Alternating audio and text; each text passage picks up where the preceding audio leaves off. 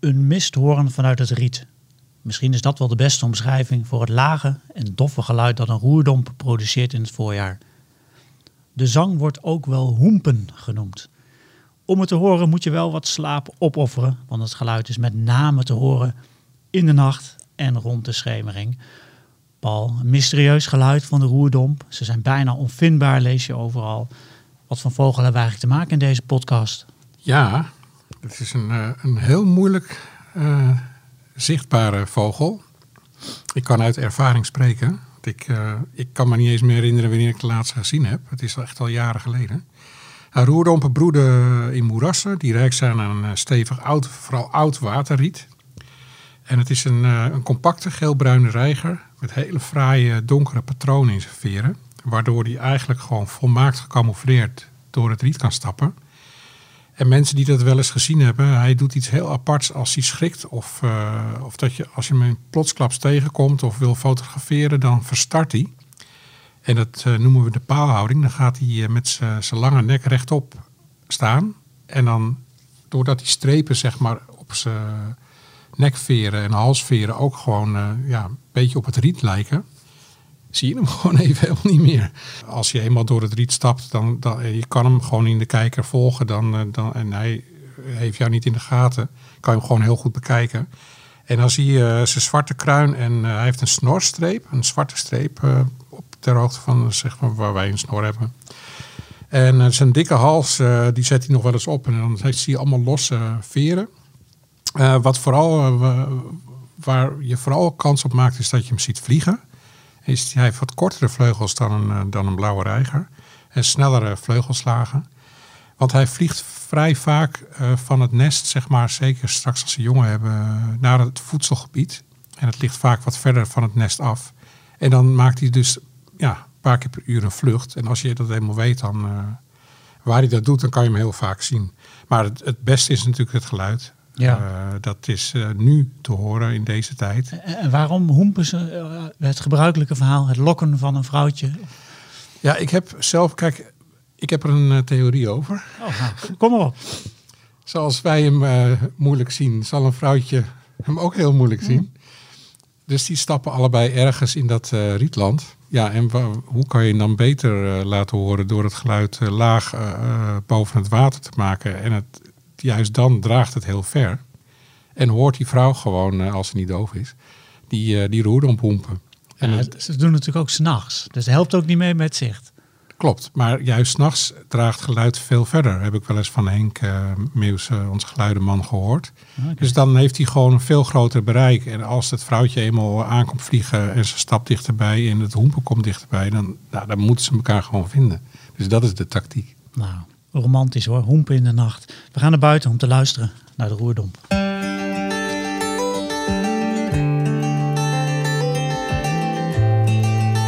Roots presenteert Notenkrakers. De vogels fluiten buiten, wil je weten wie ze zijn? Kom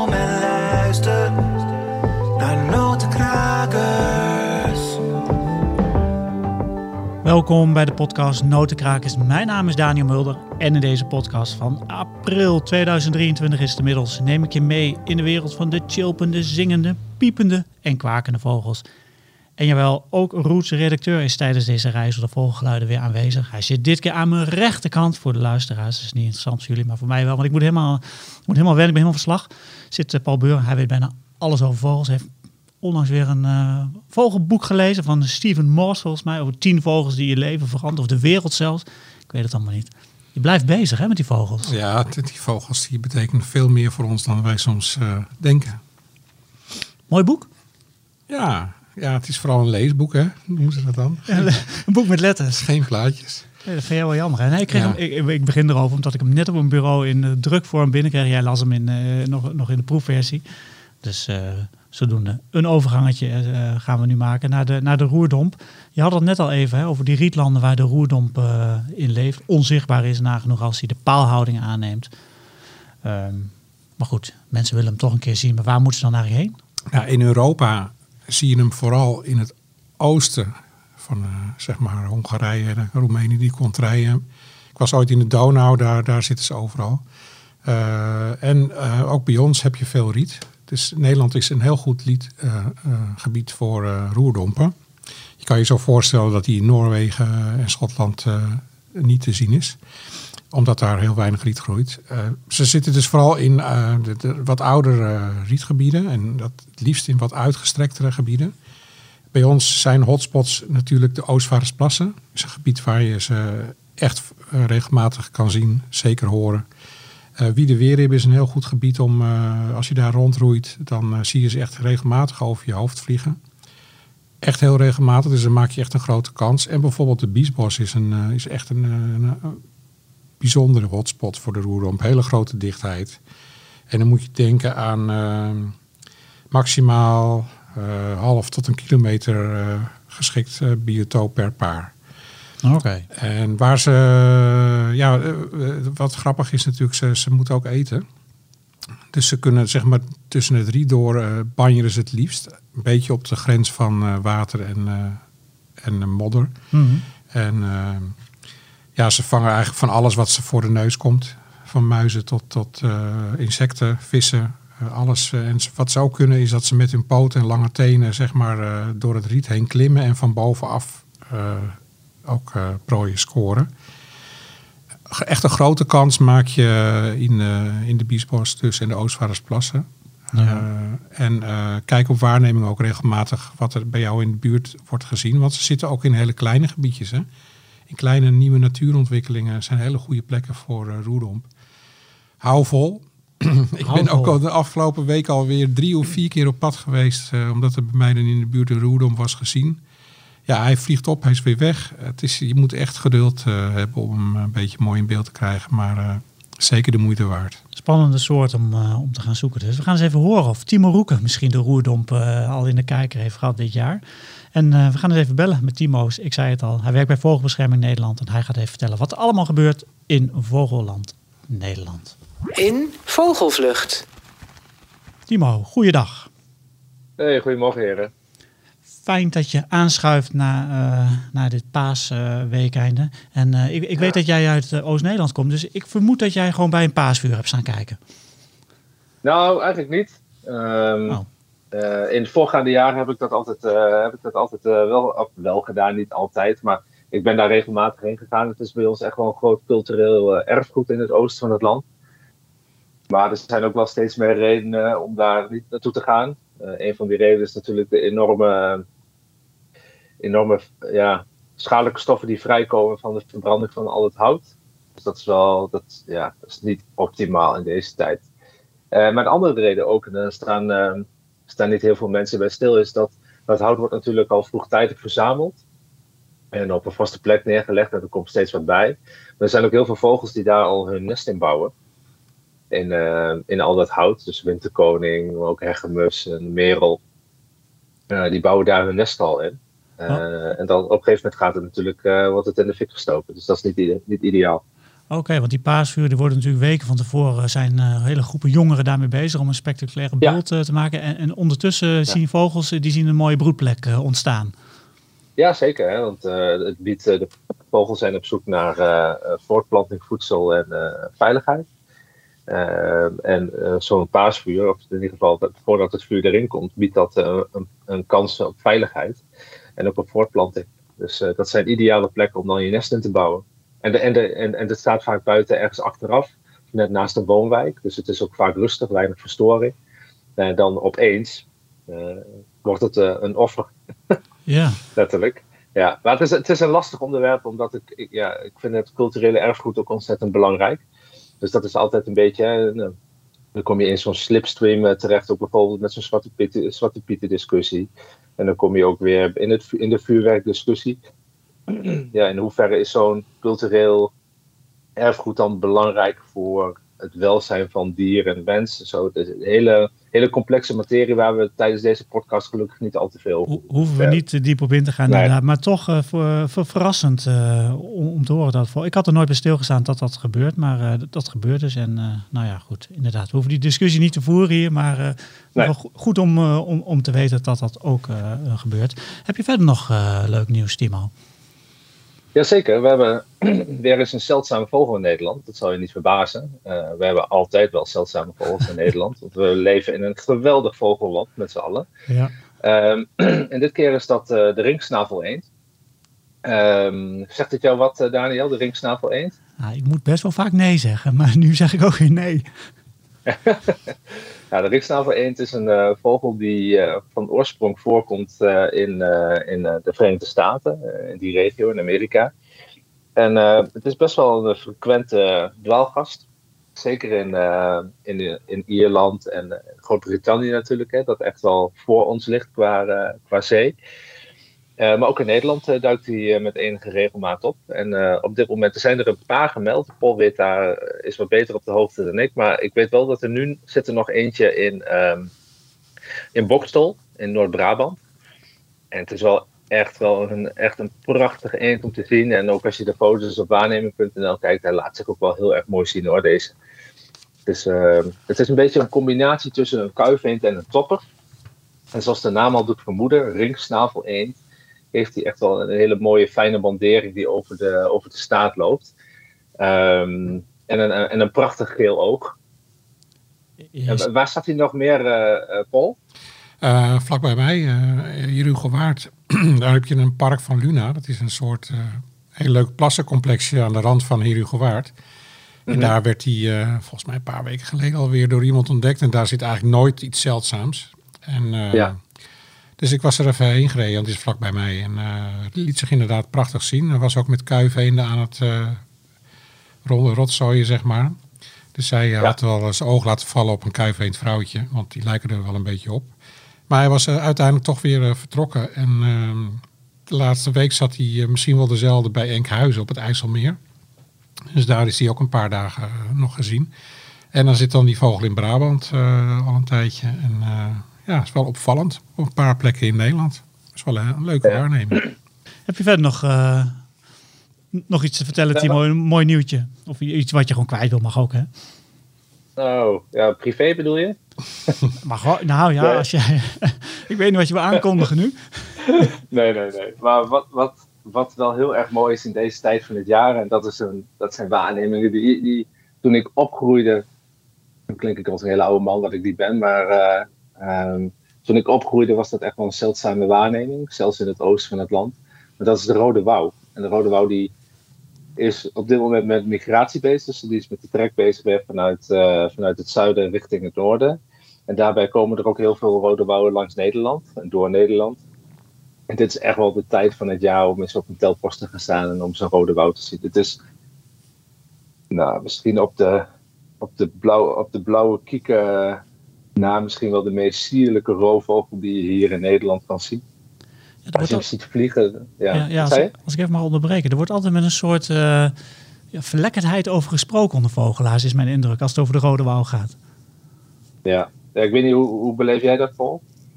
Ja, als je hem aan ziet komen, dan dat gaaf is altijd. Je ziet al, die, hij heeft een lange staart, een gevorkte staart noemen we dat in uh, termen.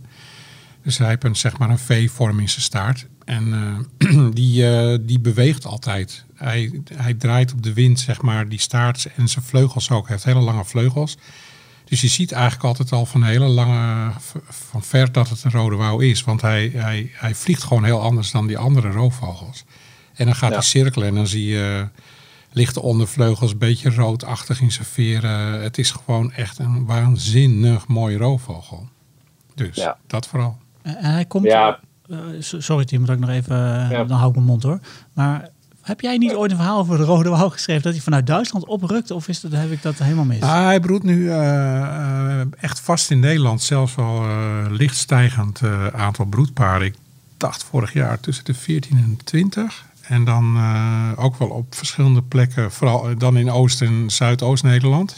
Maar ook met resultaat met meerdere jongen. En ja, Kijk, vroeger was het zo, dan had je, je zag die rode wouw overtrekken in maart en uh, in het najaar ook weer wat. Als je mazzel had. Maar je moest echt, voor goed de rode wouw te zien, moest je wel 100 kilometer Duitsland inrijden. En dan, en dan zag je ze opeens daar overal. Het, heeft me altijd zo verbaasd. Terwijl landschappen in Limburg, het leek, leek mij ook altijd gewoon heel erg geschikt daarvoor. Maar nu zijn ze er ook gewoon. Dus het, uh, het, gaat best wel goed met, die, uh, met deze roofvogel. Deel je die verbazing, Timo, van Paul, dat het niet in Nederland meer, uh, meer zou kunnen zijn? Ja, ja, dat heb ik met meer vogelsoorten af en toe. Er is dan toch een bepaalde variabel die we niet goed in beeld hebben. En het is inderdaad zo wat Paul zei, als je dan Duitsland inreed, dan zag je ze inderdaad met bosjes tegelijk. En dat is echt niet overdreven. Dan zag je echt groepjes van vijf, zes. Zeker als er dan weer zo'n uh, uh, tractor door het weiland reed en dan aan het omploegen was. Het, zijn, het, is een soort die ontzettend hard vervolgd is in Europa en ook in Nederland. Ja, ik kan er echt niet met mijn hoofd bij dat je zo'n beest uit de lucht schiet. Het is echt zo'n verschrikkelijk mooie vogel. Maar uh, het, is ook een, het is ook niet een hele. Het is een hele makkelijke vogel om te vervolgen in principe. Want het is niet alleen uit de lucht schieten, maar het is ook heel erg veel gebeurd met vergiftiging. Het zijn namelijk echte aaseters. We hebben Havik bijvoorbeeld hier in Nederland, wat echt een, de meest, ongeveer de meest actieve rover is uh, qua uh, de roofvogels. Die gaat echt, echt een hele goede jager, sterke jager. En de rode wouw is dat eigenlijk helemaal niet. Het is helemaal geen krachtige roofvogel. Maar het is juist een vogel die heel erg veel aas eet en echt op zoek is naar restjes die zijn achtergelaten ook weer door bijvoorbeeld van een, een haas die gewoon is overleden een tijd geleden. Of toch weer wat, wat larven uit, uit de grond kan plukken. Dus het is echt een beetje een schrapertje. Mooi, mooi, mooi verhaal. Timo, we hadden het helemaal aan het begin, had ik het met, met Paul. We hebben het natuurlijk over de roerdomp in deze podcast. En daar hebben we het eigenlijk nog niet, nog ja. niet over gehad. Paul zei, ik kan me eigenlijk niet meer goed herinneren wanneer ik voor het laatst er een gezien heb. Is het bij jou ook zo? Is het een vogel die uh, maar een paar keer in je leven bij wijze van spreken treft? In het verleden was het voor mij wel lastig om deze vogel te zien, omdat ik hem ook gewoon nooit zag. Ik moest, uh, voor mij was de beste plek in de regio was toch echt wel de Wiede om naartoe te rijden. Dat is de, dat is de kop van Overijssel en ik woon dus zelf in, in Twente. Uh, maar dat is echt wel het einde van de wereld. Die, die route daar naartoe is echt verschrikkelijk over al die kleine weggetjes. weggetjes. Maar de laatste paar winters, de laatste acht of negen jaar, duikt hij eigenlijk jaarlijks op in, in Twente. Dus ik, als ik naar een, een, een, een, zandplas ga, met afgraving bijvoorbeeld, met een beetje riet eromheen, dan heb ik elke winter eigenlijk wel kans om die soort te zien. Wat voor mij moeilijker is, en daarvoor moet ik dus wel naar de kop van Overijssel, om hem daadwerkelijk te horen tijdens het uh, voorjaar bijvoorbeeld, op het moment dat hij gaat zingen en balsen. Dat hoor ik dus zelden tot nooit dat geluid, maar een, een zicht waarnemen heb ik vaker dan het geluid. En voor heel veel Nederlanders zal dat uh, andersom zijn. Ja, dat is wel weer, uh, weer bijzonder, Paul. Dus het kan ook anders, horen we, horen ja. we nu eigenlijk. Ja, nee. Ja. Ja. ik woon natuurlijk volstrekt verkeerde gebied. In het, bij de duinen. dat, dat is het. Maar ja, je hebt vlakbij mij het Geesmer Ambacht en daar wordt hij heel regelmatig gezien. Maar uh, ik heb uh, tot nu toe vruchteloze pogingen ondernomen. Ja, maar, maar jij, ik maar, hou vol. Ja, hou, moedig, moedig voorwaarts uh, ja. omtrent de roerdomp. Ja, maar waar jij weer dichtbij woont, en dat is misschien een mooi bruggetje naar het vogelgebied uh, van de maand die jullie iedere week of iedere maand uh, samen bedenken. Tessel. Ja, ja, ik, ja, ik mocht deze keer kiezen. Oh, jij mocht Oh, jullie doen het. Uh, nee, hoor, ik doe altijd samen. Ik dacht dat dat wel een soort maar, uh, armpje drukken was en dan ja, uh, iedereen winnen. Ja, dat wint Paul altijd. Ja, Paul wint altijd. In april okay. kun je natuurlijk overal gewoon ontzettend leuk vogels kijken in Nederland. Want het, ja, alles komt nu binnen. de blauwborstfoto's vliegen om je oren op Instagram. En ik ben er zelf ook schuldig aan. Maar als je aan mij vraagt, Paul, waar moet je echt naartoe uh, in april? Uh, dan, dan neem de boot naar Texel. Uh, kan gewoon lopend en sla linksaf langs de Mokbaai. loopt het rondje om en kijk bij de uitkijkpunten van de Geul. En loopt daarna door naar de Horsmeertjes. Je waant je echt in de vogelhemel. Ja. Wij hebben straks over twee weken een weekendje op Texel. Ik kan me nu al verheugen op dat we van de boot wegrijden. Meteen de eerste stoplicht links afslaan. En dan stoppen we bij de petten en daarna bij de mokbaai met licht in de rug. Nou, het is, uh, alles kan je daar zien. Van vissearenden tot steltlopers, blauwborsten vliegen om je oren. Geoorde futen in zomerkleed, uh, neem het, uh, baardmannetjes, blauwborsten. Vogelheffen. Timo, bij, heb jij deze helemaal wel eens bezocht? Ja, ja zeker. Ja, heel vaak. het is niet alleen de, de soorten rijkdom die je daar treft, maar vooral ook de, de kwantiteit, zeg maar, qua vogels. Uh, sommige soorten zie je echt honderden, soms duizenden. Ja, het is, het is echt uh, waanzinnig. Het is echt een, gaat echt wel een paar, misschien wel een paar honderd jaar terug in de tijd. En dan zie je hoe het, uh, hoe het denk ik op heel veel plekken in Nederland is geweest in het verleden. Het is zo'n Kijk, heel veel van die vogels die vliegen natuurlijk van, zoals we weten, die vliegen van zuid naar noord. Op een gegeven moment komen ze bij, de, bij Den Helder aan en dan hebben ze heel dat stedelijk gebied natuurlijk over die verschrikkelijke randstad. Hebben ze al dat stedelijk gebied hebben ze natuurlijk gezien. En dan komen ze bij Den Helder, steken ze over en dan zien ze in de toekomst, of uh, in de toekomst, zien ze in de verte, zien ze dat Walhalla liggen van rust en, en ruimte. En daar strijken ze dan allemaal, uh, strijken ze allemaal neer om, om bij te tanken ja, ik kan me voorstellen als ik een vogel was geweest, als ik me met mijn redelijke beperking uh, van inlevingsvermogen kan verplaatsen in zo'n vogel, dan is dat ook de plek waar ik als eerste zou stoppen en ook echt het even van zou nemen. Maar je kunt daar wat polsen, je kunt daar gewoon. Ja, je mag je tenten niet opzetten. Het is niet, uh, we hebben niet het allemaal recht zoals we dat in Zweden hebben. Maar je zou daar haast je tent willen opzetten en gewoon twee dagen daar al kunnen zitten om gewoon te kijken als je het hebt over vogels observeren in, in, in een natuurlijk habitat. En je gaat daar zitten met je, met je telescoop en, je kijkt gewoon eens een, een, half uur naar één soort. Dan is dat misschien wel de beste, een van de beste plekken van Nederland. Timo, Paul, dankjewel voor deze mooie bijdrage allebei weer. Yes, jullie ook. Tot de volgende keer. Timo. Fijne dag. Hoi hoi. De mooie vogelgeluiden die je hoort in noodkrakers, die komen van de app Bird Sounds Europe. En Henk Meeuwse, die ook voor ons Vogelmagazine schrijft, heeft veel van die geluiden voor deze app opgenomen.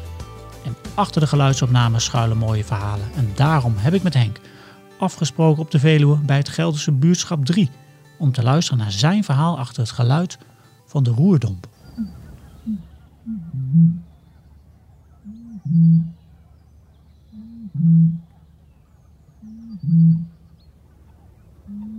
Henk, wat hoor jij hier allemaal? Hangt er een beetje vanaf uh, met welke apparatuur je hem beluistert.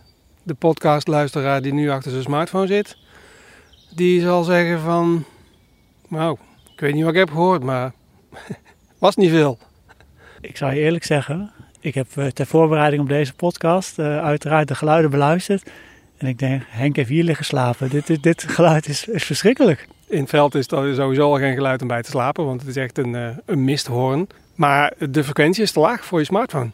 Dit, is 150 hertz. Daar kan je smartphone gewoon niet aan. Ik weet niet hoe zo'n smartphone in elkaar zit, maar die is niet berekend op, op 150 hertz. Dus de mensen die deze podcast aan het beluisteren zijn, kijk, normaal lukt het vrij goed. Toch zou ik sowieso adviseren, als je een speakertje hebt, hè, gewoon zo'n. Uh, hoor je dat? Boomklever? Ja, het is. Uh, boomklever en roerdom. Dat is natuurlijk wel een bijzondere combinatie. Hier, hier staan we tussen de boomklevers. Nou, ik weet niet of er ergens in Nederland boomklever en roerdom tegelijk te horen zijn. Even een zijstapje, want die roerdom zit natuurlijk midden in het rietmoeras. Als je de podcast luistert, misschien moet je dat altijd doen. Gewoon je, je speakertje erbij pakken met bluetooth uh, schakelen. Of, of, je, of je stereo installatie, want dan hoor je de lage toon ook beter. Dus ook als de podcast toevallig over ganzen gaat, maar zeker bij de roerdomp, die heb je nodig om die echte lage hoemp van die goed om te horen. Die krijg je niet uit je smartphone. Of een speaker, ja, of de, sorry, de, de koptelefoon. Want uh, nou, wat je al zegt, je kunt het geluid dus niet goed uh, horen. Dat uh, lijkt mij een mooie taak voor jou om dat eens even te omschrijven. wat wil je dat ik omschrijf? Dat je, hoe die wel klinkt?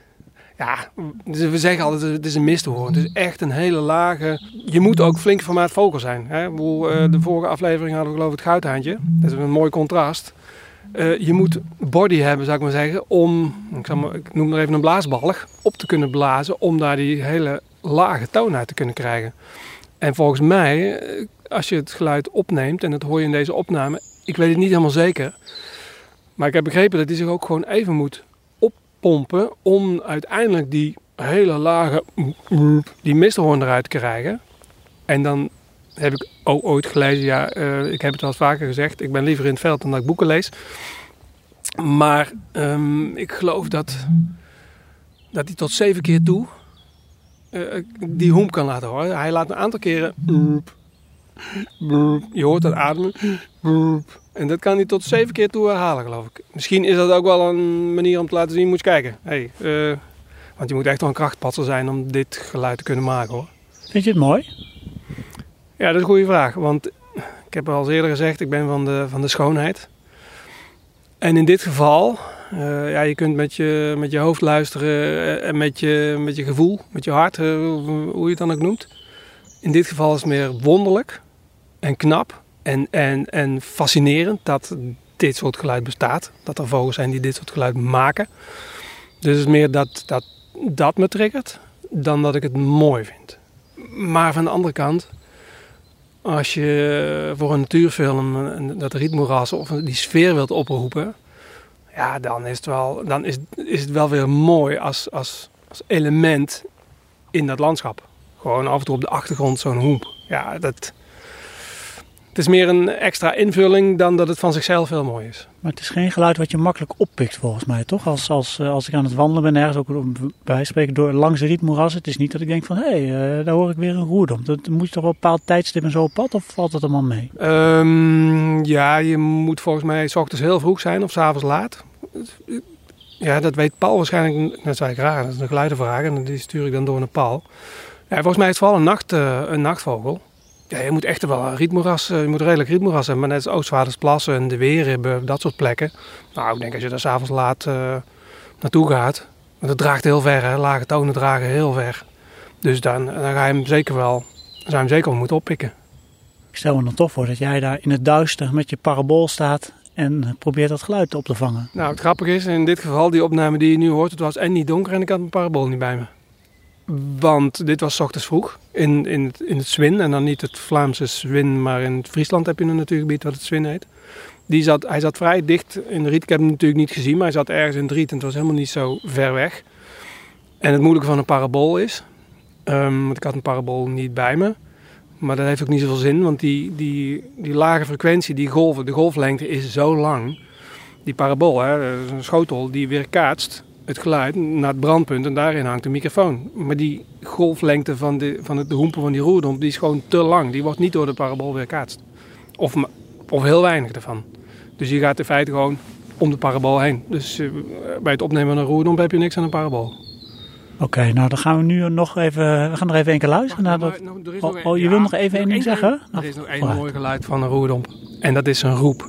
En dat heb ik een paar keer gehoord gewoon um, s'nachts ga ik op weg naar de bioscoop en dan pak ik mijn fiets en dan sta ik buiten en dan hoor je één keer hoog in de lucht. Auw! En dat is alles. En dat is gewoon magisch dat je dan weet van hé, hey, daar vloog een roerdom boven. Dus die roep, hè, dit noemen we dan de zang, dat hoempen, maar die roep is ook wel, als je die kent, dan ga je daar plezier van beleven. Mooie toevoeging, Henk. Gaan we nu nog even één keer luisteren naar de zang van de roerdomp.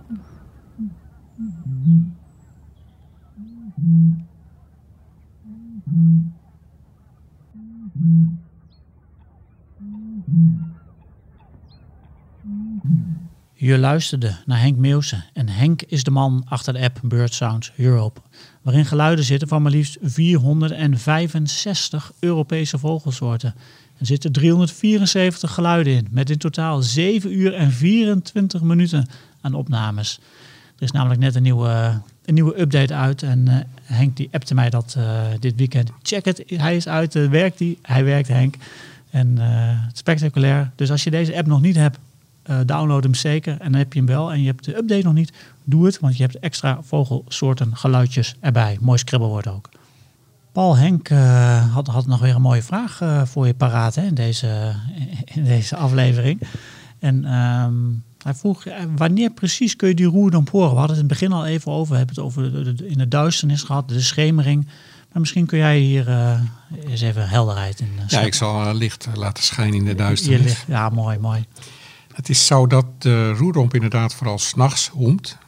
Wat ik al zei, dan draagt het geluid verder. En, maar de beste kans maak je eigenlijk in de schemer. Je hoeft niet de hele nacht te gaan zitten hoor. In de schemer, dan begint hij. En vroeg in de ochtend, zeg maar, als de dampen nog uh, boven de rietvelden hangen, dan uh, hoor je hem ook vaak nog roepen. Ja. En ik hoorde Henk ook nog even iets zeggen over het aantal. Dat heb ik ook nog even op het aantal roepen uh, wat hij uit één strot kan krijgen. Dat is gemiddeld vier.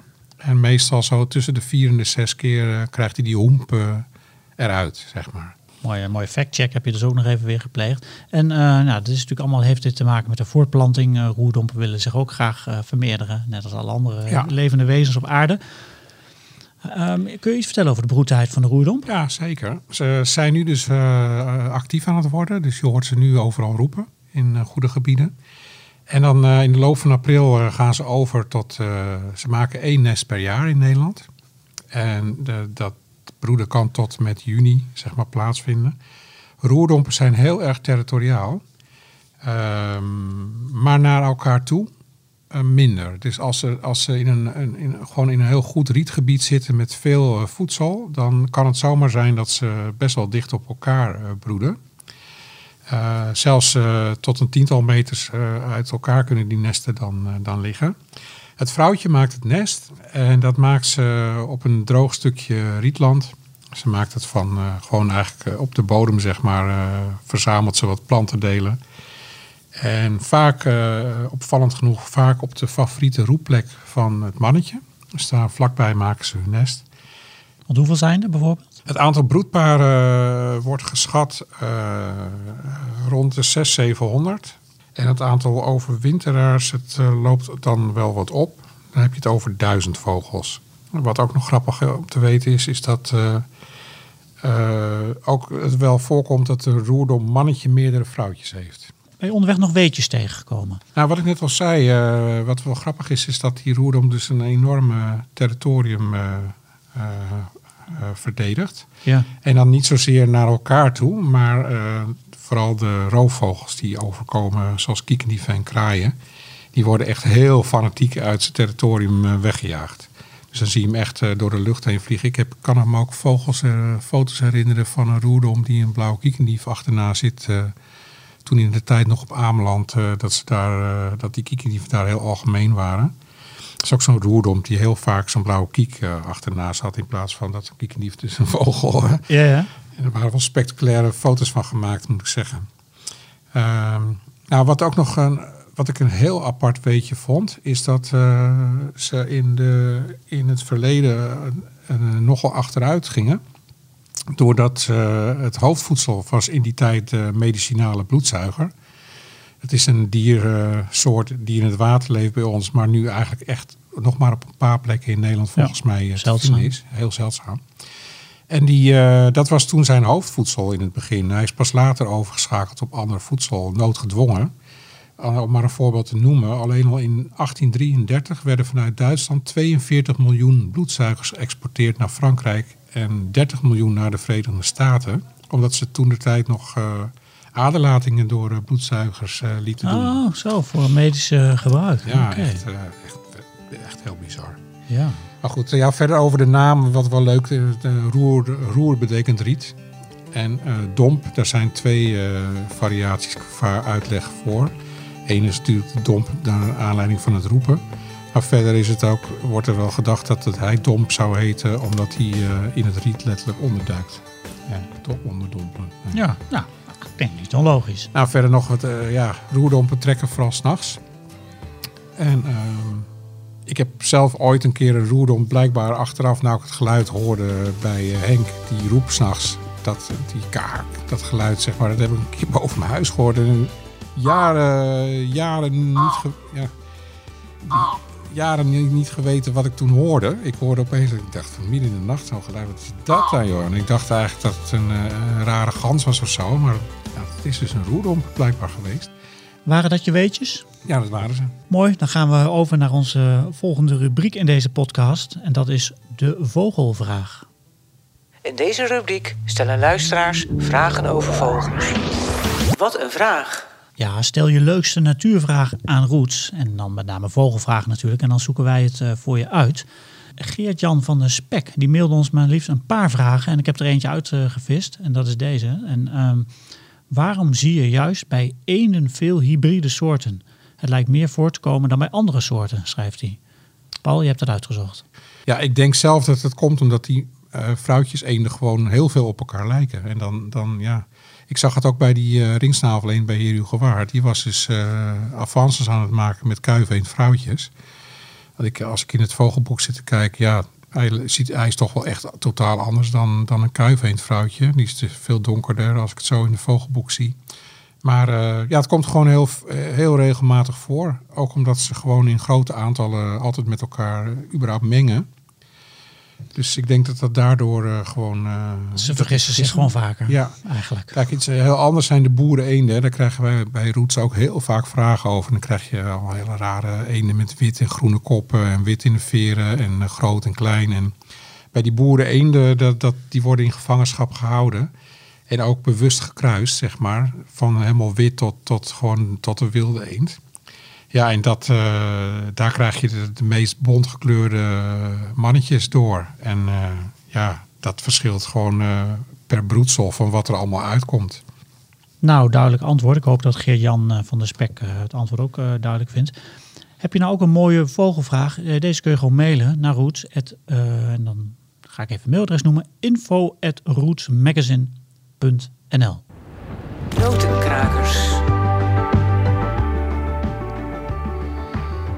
Ik zei het net al een paar keer. De geluiden die je in deze podcast hoorde, die komen van Henk Meeuwse. En die maakt de app Bird Sounds Europe. En daarin zitten maar liefst nou, 465 uh, eh, vogelsoorten met hun geluiden. Echt spectaculair om, uh, om op de bank uh, gewoon alleen al te luisteren. Roots brengt ook twee keer per jaar het Vogelmagazine uit. En deze krijg je bij een jaarabonnement op Roots. En het nieuwe Vogelmagazine is nu verkrijgbaar in de winkel en ook los te bestellen, uiteraard via onze website rootsmagazine.nl. En als je nou denkt, ik vind Roots leuk en ik vind het Vogelmagazine leuk, kan ook. Neem gewoon een abonnement op Roots en je krijgt het Vogelmagazine er gewoon, uh, gewoon lekker bij. Ook uh, handig. Paul, nog even, je hebt een, uh, een, een telescopentest gedaan hè, in het Vogelmagazine. Ja, mini, in drie mini, zinnen. Waar, wat heb je gedaan? we hebben mini-telescopen. Dus mensen die zo'n telescoop vaak te groot vinden en te log om mee te nemen. nou, dat is misschien zo'n mini-telescoop wat voor jou. En die zijn van echt mini, mini, mini, mini klein tot iets groter. En uh, soms ook best wel uh, wat betaalbaarder dan die grote. Dus uh, check het. check de test. Dat is leuk. Nou, mooi, mooie test dus. Staat in het volgende magazine. En dan rest mij nog één ding. Even vertellen waar onze volgende podcast... Wat gaat het toch snel eigenlijk allemaal? voor mei 2023 over gaat. Paul, jij mag dat altijd zeggen. Hè? Waar gaat hij over? Ja, de Schollekster. Het, is voor de tweede keer zelfs het jaar van de schoolexter. Omdat, hoewel die steeds vaker in het binnenland te zien is, toch ontzettend achteruit gaat. En we vertellen de volgende keer waarom dat zo is. En hoe dat komt. En we gaan natuurlijk even over het geluid, gaan, geluid pracht, zelf hebben. Ja, prachtig geluid. Schoolexter. Je hoort hem gewoon, als je hem helemaal kent. Ja, dat is met alle geluiden zo. Maar Schoolexter, die vergeet je nooit weer. Um, nou, leuk dat je luistert ook naar Notenkrakers. En voor de komende tijd uh, is de opdracht natuurlijk om, uh, om een roerdomp uh, te zien. Paul gaat ook vast nog weer een poging wagen en een roerdomp luisteren. Dat is, dat is ook niet altijd makkelijk, dat zei Timo al een klein beetje. Dus nog één keer laat ik het geluid horen. En dan, mocht je een roerdomp zien of gehoord hebben, laat het ons weten via info.rootsmagazine.nl.